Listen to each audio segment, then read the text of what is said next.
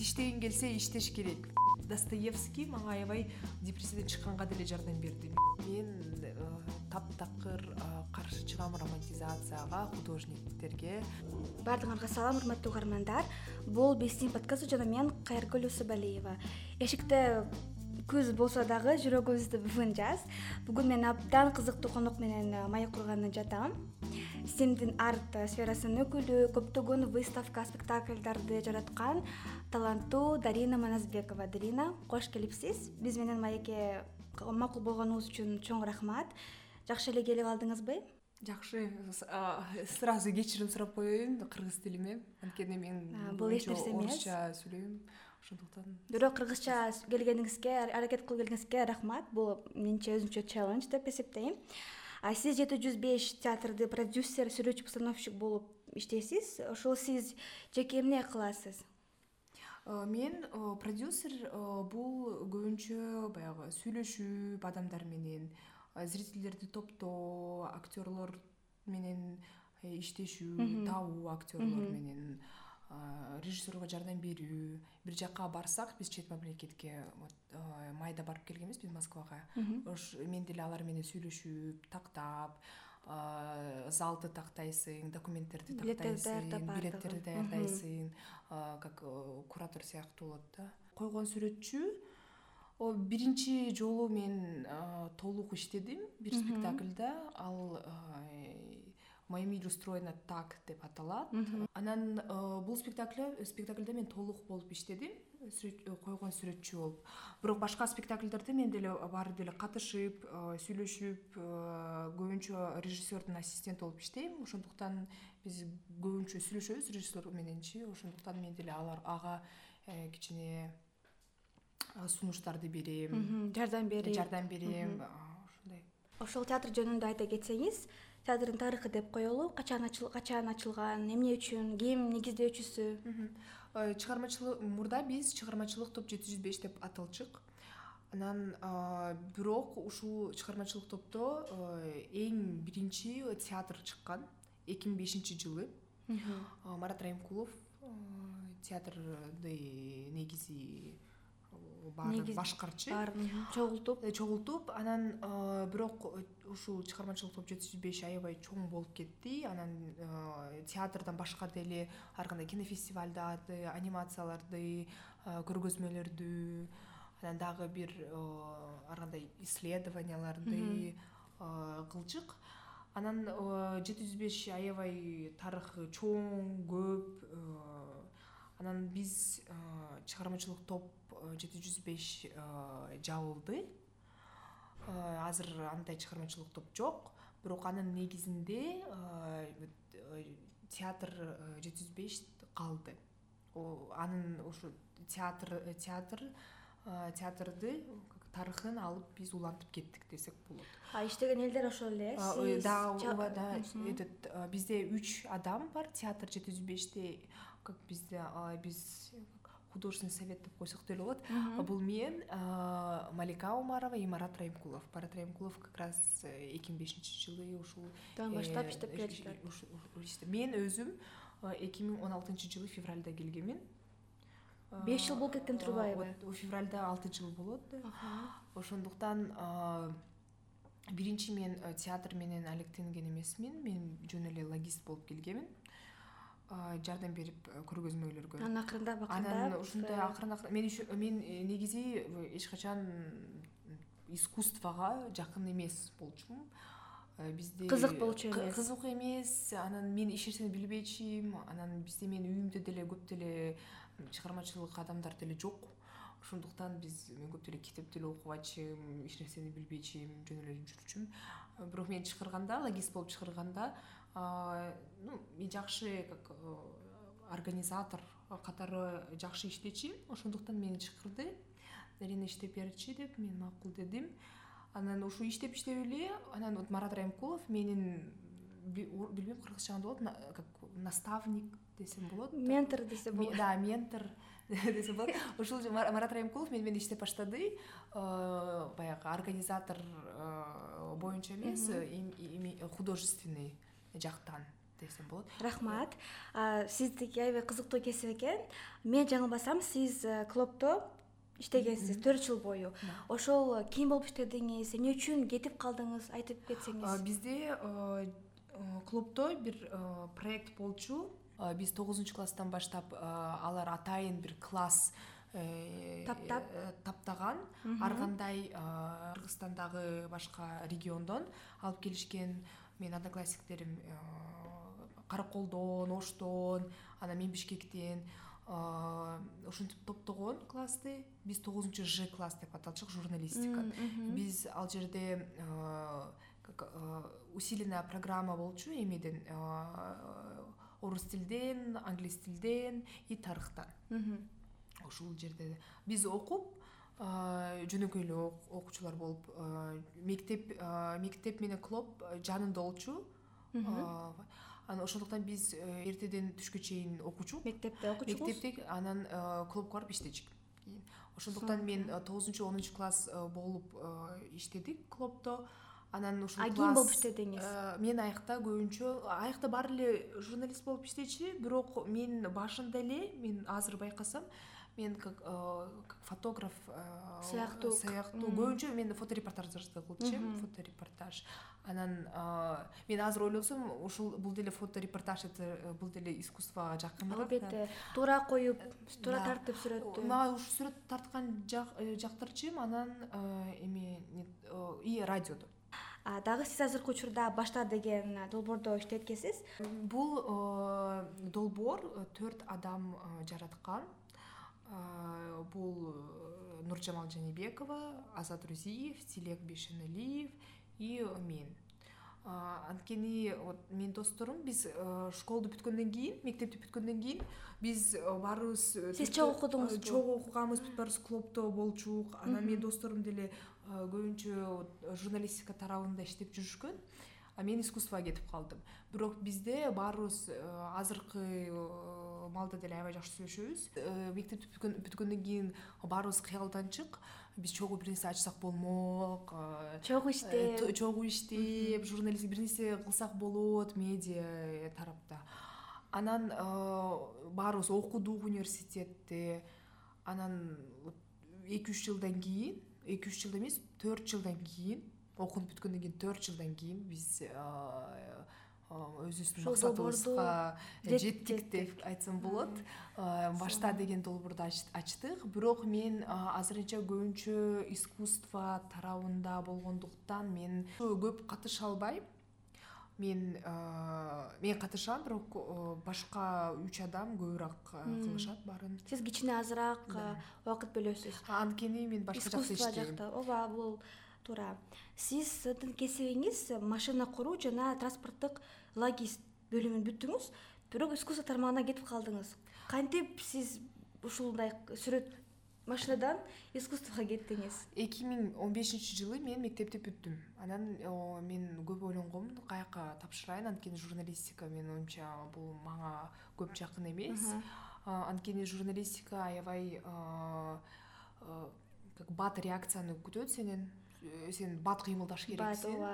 Э, мага аябай бул э, түшүнүксүз. Анткени мага кичине убакыт керек ойлонгону теманы билиш үчүн. Анан сен аябай уверенный адам болуш керексиң негизичи бир нерсе сүйлөп атканда. Албетте. Ошондуктан мага аябай стресс болчу. Клубда даже иштегенде ошондуктан мен э, интернеттен жөн эле э, гуглга эме жазганмын кандай э, кесиптер популярдуу болот? деп. Анан караса транспортный логист бул аябай этот келечектин кесиби деп жазган. Ошондуктан ушул жака барам ушул жака барам дедим. эки миң он бешинчи жылы эме окууга эметтим тапшырдыңыз анан эки миң он алтынчы жылы мен э, искусствого келдим. Ошондуктан мен окугандыктан мен ойлодум до конца эле окуп коеюн эч нерсе болбойт. Бирок иштебейм дедиңиз э, э ооба менин оюмча ооба мага көп деле кызык эмес. Мага жагат мага баары эле кесиптер жагат бирок азыр менин оюмча искусство мага көбүрөөк искусствого тартып турасыз. да эң кызыккан. Сиз сүрөтчүсүз. Сиздин сүрөттөрүңүз бар а сиздин жеке выставкаңар болдуңуз болду беле Э, жок мен жеке выставкам боло элек бирок азыр деле кылгым келбейт. Анткени менин оюмча өсүш керек көп өсүш керек. Мен да еще оюмда аябай романтизация кылып жатам. Ал элүүгө чыкканда Чоң выставка. кылып. Э, бирок ага көп иштеш керек. Бирок мен башка выставка мен эки миң он жетинчи жылы менин биринчи көргөзмөм болду. Ушул жак не не не деп аталат ушул жакта улан жапаров деген бизде аябай белгилүү э, центральный азиядагы э, куратор бар. Э, мен аябай сыймыктанам. Анткени именно бишкектен бул адам. Вот ошол мени чакырган. Ушуга чоң рахмат. Аякта мен инсталляция кылгам сүрөт эмес инсталляция инсталляция кылгансыз анан ушудан кийин мени башка выставкаларга деле чакырышты. Ушул выставкадан кийин бул нерсе мындай өзү современный искусстводагы у- искусство уюму аябай жабык десем болот. Ошондуктан баары бири бирин билишет анан сен бир көргөзмөгө катышсаң сени Таанып калышса? таанып калат көрөт. Анан баары тааныштан эметишет да особенно куратордон башталат. Типа художник художник эмес куратор өзү өзү тандайт кайсыл художниктер менен иштегенге Чакырат, бирок менин оюмча кичине сүрөтчү деп айтканга туура эмес анткени сүрөтчү это жалаң сүрөт тарткан. Ооба. А художник орусча кичине көбүрөөк искусство деле. Айтсам болот анткени аякта сен и видео арт кылсаң болот инсталляция кылсаң болот анимация кылсаң болот баарын сүрөтчү деп айта албайсың да. Ошондуктан жөн эле художник деп деле айтсак болот го менин оюмча мен сизди биринчи жолу жайында көргөм сиздин уя деген спектаклиңизге көрүп баргам. Бул менин жашоомдо эң таң калтыруучу спектакль болду деп жаңылбасам керек. Бул азыркы учурда аябай көптө- көптөгөн көргөн көп популярдуу спектакль. Россияда да абдан жакшы тосуп ал- алды деп уккам. Май айында сиз ушул москвага барып келдиңиз. Ошол жөнүндө айт- айтып кетсеңиз эмне деген спектакль ким кимдин оюна келген бул спектакль кантип жаралды бул спектакль эки миң баягы локдаун болгондо когда карантин болгондо Пандемия учурунда. пандемия эки миң он тогуз болду или Жыйырманчы жыл болду. эки миң жыйырманчы жылы эт- жазында болгон анан бизге чагылдак замирбеков деген режиссер э, бизге кайрылды биз аны э, мурун э, актер катары билчик биз аны кастингдерге чакырып жүрчүк бизди тоготпой жүргөн ал бала. Келбейм ойнобойм деп жок өзү бош эмес болчу. Анан э, как раз эме болгондо э, карантин болгондон э, болгондо театрлар иштебей эч нерсе иштебей. Жумуш жок чагылдак э, чагылдактын идеясы бар болгон экен. Ушундай спектакль коем депчи. Ушул э, тема жөнүндө э, уя деген кыргызча макала бар экен уядан учкан нерсени алып кетесиң деген сыяктуу бирок жакшы айта албай атам ал макаланы. Анан ушул негизи эң ушул идея болчу. Анан чагылдак өзүнүн актерлору менен бизге кайрылды. Биз ушундай ушундай менин оюм бар. Чогуу иштейли ч- деп. бизге вот площадка керек деп. Биз азыр театр жети жүз беш бул э, эң биринчи кыргызстанда анан э, единственный азыр Жалгыз. жалгыз э, театральная площадка деп айтсам болот. Уялбай алдабай эч кимди бул бул анткени э, бизде театральный группалар бар башка бизден башка. Бирок театральная площадка жок. Ошондуктан биз чагылдак замирбеков биздин э, биз аны менен чогуу иштейбиз. Бирок ал жети жүз бештин режиссеру деп айта албайсың. Потому что бизде толтура режиссерлор бар биз менен иштеген. Э, чагылдак келди. Ушундай идея бар. Бирок ал интервьюлары жок жөн эле идея бар. Анан биздин площадкада ушунун баарын жаратты. Биздин аябай жакшы таасирибиз болду деп айтсам болот. Анткени чагылдак өзү академический театрдан анан бүт актерлор академия театрлар э, институциялардан да. Биз художниктербиз современного искусства биз аябай э, как направление бар даже сайт специфик деп э, биз аябай пространство менен иштейбиз. А театрда андай ойлор жок да көбүнчө аякта сцена и болду. Отурасың, көрөсүң, отурасың көрөсүң. Ошондуктан биз ушундай аябай жакшы коллаборация болду десем болот. Как современное искусство и театр театр биздин оюбузга эме биз билген театр. Ошондуктан биздин площадкабыз э, иштейт современный искусство менен театрдын эме кырында десем болот. Вот ушундай биздин художниктер марат райымкулов менен малика умарова художник болуп чыгышты. Алардын идеясы коридордо койгонго менин оюмча коридор эң негизги решение десем болот ушундай спектакль ушундай качествосы өзү атмосферасы менин оюмча пространство аябай жардам берди ушуга. Албетте. Жакында эле сиздики айткандай эле мое мир устроено так деген спектакль жаралды. Он бешинчи октябрда премьерасы болду. Ошол жөнүндө кичине айта кетсеңиз бул кыргызстандагы биринчи автордук фем спектакль. Да менин оюмча бул бизге вот менин оюмча ушул деле площадка деп ушул площадка деп айтсам болот. Анткени биздин кыздар аякта төрт кыз авторлор айта кетсеңиз бул зерие ырчы силер билесиңер ооба албетте. Белгилүү ырчы. Элдана фарайза блогерка. Анан айжамал бектенова бул активистка фем активистка. Сайкал жумалиева это бикеч ал актриса артистка э, телеалып баруучу төрт кыз бизге алар биздин спектаклибизди көргөн. Уяны бизде девки деген спектакль болгон моя нобелевская речь толтура эле спектакльдер болгон. Алар биздин спектакльдерди көрүп мен алардын айтышы боюнча сразу билишти что ушул жерге биз коюш керекпиз. Анан уя спектаклин көргөндөн кийин аякта режиссер чагылдак самирбеков да анан чагылдакты көрүп чагылдак менен иштейбиз деп аябай. Анан мени көрүп силердин площадка э, площадкадан мен чыктым. Э, силер мени ошондуктан иштешти. Анан ушинтип келишти. Бизде ушундай идея бар. Э, бирок ал биринчи биринчи версия сценария болду ал сценарийди биз иштеткен жокпуз. Кичине менин оюмча где то жыйырма процент алдык ал сценарий сценарийден. Сексен калган баары өзүңөр баардыгын сүйлөшүп ооба биз канча ай кетти ошонун баарына? где то биз беш айдай иштедик чогуу жарым жыл болгон турбайбы да алар чоң жумуш да ал сценарийди алар дагы бир жыл жазышкан экен. Бизге алып келген сценарий. Потому что алар даяр сценарий менен келип атпайбы.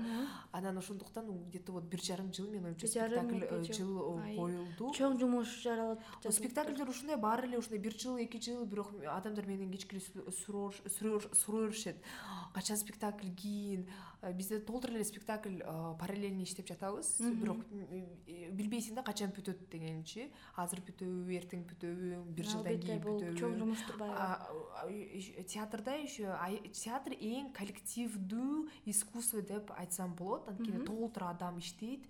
Ошондуктан бирөө ооруп калса бирөө келбей калса бирөөгө жакпай калса ошондуктан кечке издеп жүрөсүң адамдардычы ооба сиздин аялдардын үнү же болбосо голоса женщин ооба деген выставканы мен көргөм. Көп аябай популярдуу болгон. Бул выставка кыргызстандын өнүгүшүнө чоң салым кошкон жыйырма аялдын аялга арналган. Ошол жөнүндө айта кетсеңиз бул кантип жаралды? Эмнеге ушундай выставканы кылам деп чечтиңиз биринчи мага вот форум женщин болуп атпайбы булчу ошого карата мени чакырышты. Дарина бизге спектакль коюп берсең болмок. Анткени мен жашоомдо бир жолу мен өзүм спектакль койгом режиссер катары. Мен ага өкүнбөйм бирок көп деле жактыра бербейм өзүмдүн ишимди. Анан ошондуктан мени билген билген адамдар чакырышты. Дарина бизге спектакль коюп берчи деп алардын оюнча спектакль он күндө койгонго мүмкүн деп ойлошкон оңой эле келин оңой эле. Баягы кыргыз аялдарды чапан кийгизип койсун болот деп. Ооба. Ушул бизди аябай жакшы көрөт го ушундай конъюнктураларды. Анан мен айткам он күндө эч нерсе кое албайм спектакль э, бир жылдап коюлат. Спектакльга көп убакыт керек. анан мен ушул сунуш бердим э, выставка кылайлы деп. Вот бул выставка менин оюмча кичине мен өзүм өкүнүчтүүмүн анткени выставка аябай эле кичине эле адамдар көрүп калышты. Анткени форумда форумга келген адамдар эле көрүштү. Башкалар көрүшкөн эмес. Менин оюмча бул аябай маанилүү көргөзмө ооба. негизи. И кызыктуу мен өзүм ал көргөзмөнү кылып атканда өзүм аябай э, көп нерселерди билдим. А негизги идеясы эмне болчу ушул выставканын эң негизги идеясы мага аябай э, биринчи биринчи учурда э, формасы жаккан үн. И анткени бизге биз өмүр бою феминисттер за права женщин за голос женщин да? Күрөшүп күрөшүп үнгө күрөшөбүз да? Как метафора сыяктуу. А бул жерде этот түз байланыш үн. Анан менин мага аябай ушу көргөзмөсүнүн эси жагат анткени аялдардын сен өмүр баянын уксаң болот өмүр баяндын ичинде алардын өзүнүн үнүн уксаң болот. Анткени мен көп аябай гос архивке барганмын ошол жактан баарын чогултуп алганмын биздин гос архивибиз аябай байкуш деп айтсам болот. Анткени көп деле маалымат ала албайсың. Мен аякта аябай где то менин оюмча он күндөй жүргөнмүн издеп кечке. Аябай баары эле кайталана берет экен. Э, маалымат аз турбайбы? маалымат аз кечке эле кайталана берет ал маалымат. Ошондуктан бирок мен аябай кубанычтамын. Бар болгонуна негизи и анан аякта үн болду. Өмүр баяны менен өзүнүн үнүн деле уксаң болот ушул аялдардын. Анан жанында буюм алардын жумушун презентация репрезентация кылган. Мен эң негизги оюм сүрөттөрүн анын бети ну сүрөттөрү өзү ал кереги жок. Анткени баары кыргыздар бири бирине окшош. Анан сен аны көп деле э, не запомнишь. Э, менин оюмча эң негизги бул келбет эмес бул э, иши жумушу. эң негизгиси жумушу. Ошондуктан мага өзүмө деле кызык болду мен өзүмө көп аялдарды ачтым. Мага аябай жаккан аял мен аябай сыймыктанам ушул аял бизде жашаган. Это сакин бигматова биздин министерство тышкы министерстводо министр болуп иштеген кыргыз ссрдин ал он жети жыл иштеген. Ал менин оюмча дагы иштесе деле болмок бирок ал автокатастрофада каза болуп калды. Ал мага аябай мени таасир берди. Таасир берди мага аял катары. Сиз чыгармачыл адам экенсиз сизге кантип илхом келет? Мисалы сиз сейилдейсизби же музыка угасызбы кантип? Менин оюмча ушул нерсени мен жакшы айтып кетсем болмок мен э, таптакыр э, каршы чыгам романтизацияга художниктерге. Анткени менин оюмча биз кичине башкача башка эпохада жашайбыз. анткени биз э, мен өзү негизи современное искусство. Бул биринчи учурда бул ойлонуу сен образованияң барбы академияны бүттүңбү бүткөн жоксуңбу сен жакшы сүрөт тарта аласыңбы тарта албайсыңбы бул көп деле маани маанисиз. көп да маанисиз. Анткени эң негизгиси ойлонуу сен ойлонуш керексиң. Мен көбүнчө адамдардан шыктанам анткени менин э, жумуштарым э, көбүнчө э, мен менин оюмча менин жумуштарымды көрсөңөр менин жумуштарымда баарында текст бар и мен э, көп адамдар менен сүйлөшүп атканда адамдар аябай сонун э, словосочетанияларды э, айтышат кээде. Ошондо мен ушуларды аябай эме кылам ушуларга шыктанам и мага сразу образ образ жаралат келет. Мен азырынча менде биринчи учурда сөз текст жанагы анан визуалдуу образ келет мага. Мага биринчи вот өзү сөз жагыш керек. Ошондуктан сөзгө жакынмын сөзгө жакынсыз. Сонун. Сиз өзүңүз дагы ошо поэмалар жазат экенсиз мурда жазчумун бирок менин оюмча азыр жазбайм. Убакыт жок. убага кубанам жазбаганыма анткени. Менин оюмча настоящий поэт деп коет. Настоящий поэт это анын сөздөрү бүтпөйт да сөзү бүтпөйт. Алар кечке ушул менен жашашат а менде бул бир этап болду. Жашоомдо мен бир жылдай жаздым азыр мен окуганда өзүмдүн мен аябай өзүмө таң калам кантип мен жаздым мен жаздымбы деп мен азыр вообще жаза албайм. Вообще бир дагы э, мага аябай алыс болуп кетти бул нерсе. Азыр бизде блиц суроолор болот. Биринчи суроом э, сизге жаккан үч сүрөтчү же балким иллюстратор же балким актер болобу айта кетсеңиз? Мага эң жаккан азыркы учурда художник это дэвид шригли аябай сүйөм аны баския жан мишель баския. И анан кичине караваджо десем болот илгерки художниктерден. Сиз эмнеге жашоого ыраазысыз?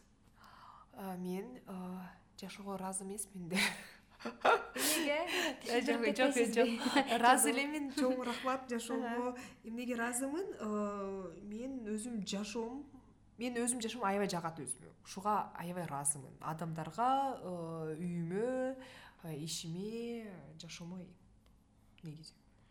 Сиздин күнүмдүк үч ар дайым кылган нерсеңиз?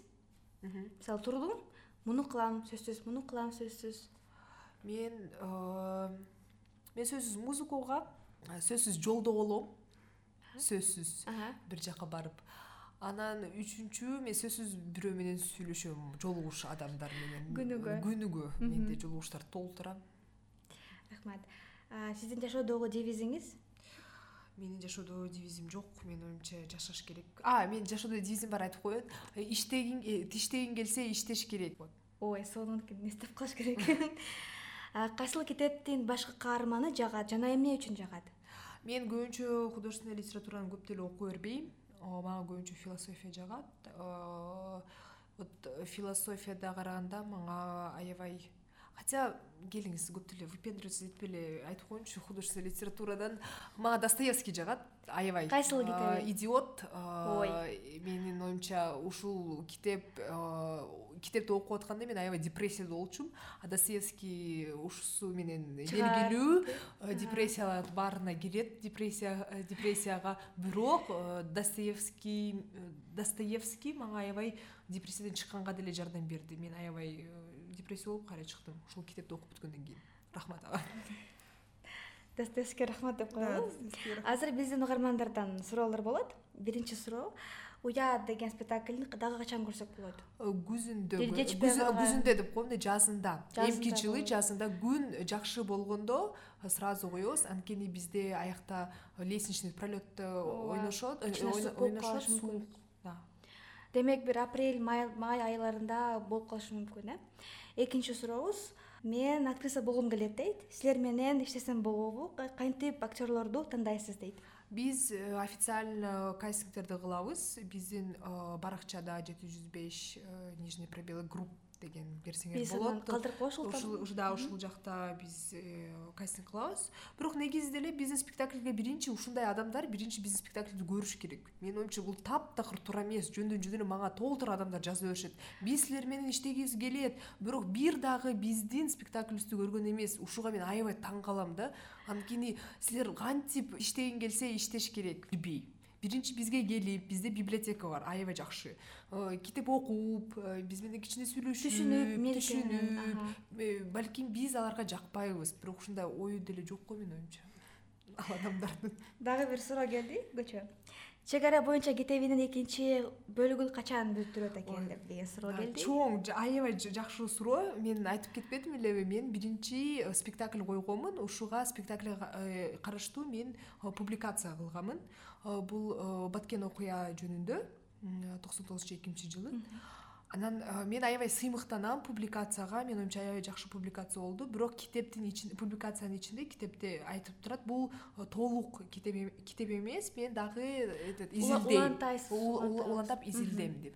Менин оюмча бул китеп спектакль кылгандан кийин мен аябай өзүмдү менин оюмча кичине переоценка кылдым десем болот. Анткени мен аябай мен жыйырма жашта болчумун аябай э, смелая болчумун анан баарын кыла алам деп. азыр менин оюмча ушундай э, темаларды алыш үчүн мен көбүрөөк ой керек. Мен ушул ойду күтүп жатам өзүм. Бышып. Э, бышып жатам. Бышкандан кийин сразу кылам. И ага экинчи эме берем публикация китепти подарка кылам. Кылгандан кийин. Күтөбүз бизге дагы биздин дагы коомдук фондко деле күтөбүз дарине сизге чоң рахмат. Менин оюмча маек абдан кызыктуу болду. Театрдын баракчасына шилтеме калтырып коебуз ткимга да кошулганын унутпагыла урматтуу угармандар саламатта калыңыз